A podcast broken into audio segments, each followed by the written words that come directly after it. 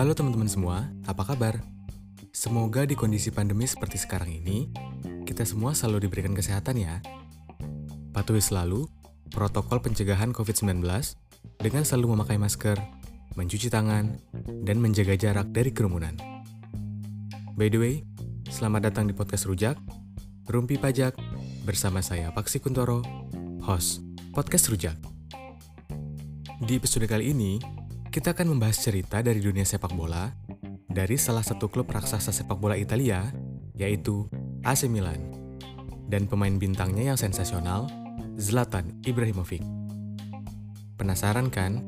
Ada apa nih antara Ibrahimovic, AC Milan, dan pajak?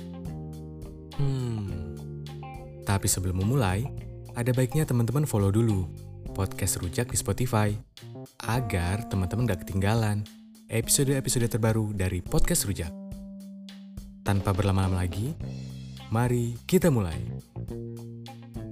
Dikutip dari news.ddtc.co.id, dikabarkan bahwa penyerang AC Milan asal Swedia, Zlatan Ibrahimovic, berniat untuk memperpanjang kontraknya bersama klub asal kota muda tersebut.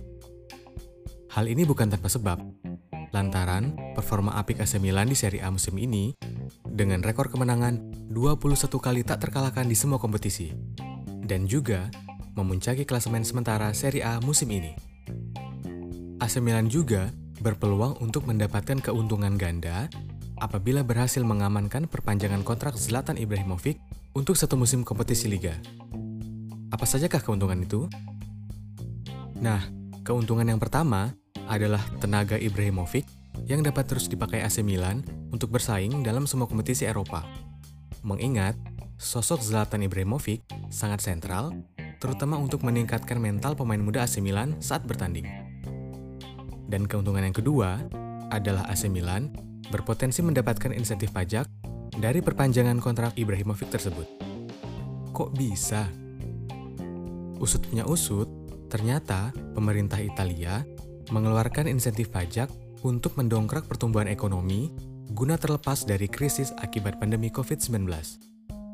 Otoritas pajak Italia memberikan fasilitas pajak untuk pengeluaran gaji yang dilakukan oleh perusahaan, termasuk klub sepak bola. Kalau di Indonesia, mirip insentif PPh 21 DTP gitu. By the way, bagi teman-teman yang belum tahu, insentif PPh 21 DTP atau ditanggung pemerintah merupakan insentif pajak yang diberikan pemerintah Indonesia untuk pekerja yang bekerja pada sektor usaha tertentu yang terdampak pandemi COVID-19. Singkatnya, perusahaan tidak perlu membayar PPh 21 atas penghasilan yang diterima oleh karyawan. Itu berarti gaji yang diterima karyawan setiap bulan utuh tanpa potongan pajak. Insentif PPh 21 ini berlaku bagi karyawan dengan penghasilan 200 juta per tahun atau maksimal 16,5 juta per bulan. Kembali ke topik awal, perlu diketahui juga bahwa telah terjadi negosiasi antara AC Milan dengan agen dari Ibrahimovic, yaitu Mino Raiola, terkait kenaikan gaji yang harus dibayarkan kepada bintang asal Swedia tersebut. Pada akhirnya, AC Milan memilih mengalah dan memberikannya gaji 6 juta euro atau setara 96 miliar sesuai dengan keinginannya. Namun, ada alasan mengapa AC Milan melakukannya. Milan dan Ibra ternyata sudah mencapai kesepakatan yang bisa dibilang saling menguntungkan.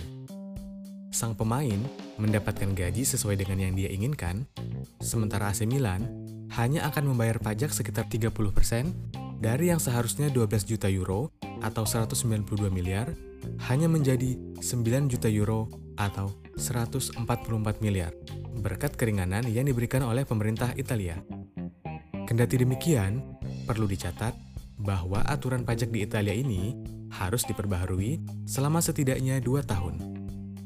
Mantan bintang MU tersebut menekan kontrak selama satu tahun dan enam bulan untuk paruh kedua musim 2019 dan 2020, yang berarti ia masih memiliki batas waktu setidaknya enam bulan sebelum pemerintah Italia memperbaharui aturan terkait insentif gaji. Selain itu, Ibrahimovic juga telah mengajukan pajak tinggal di Italia hingga Januari 2022. Sehingga Milan akan dapat berhemat sekitar 3 juta euro atau 48 miliar dari kewajiban pembayaran pajak. Gimana? Ada yang tertarik bermain di Italia seperti Ibrahimovic? Oke teman-teman, sampai di sini ya sharing-sharing kita. Terima kasih bagi teman-teman yang sudah mendengarkan, dan semoga sharing cerita tadi dapat bermanfaat bagi kita semua. Stay tune terus ya di podcast Rujak. Sampai bertemu di episode selanjutnya. See you!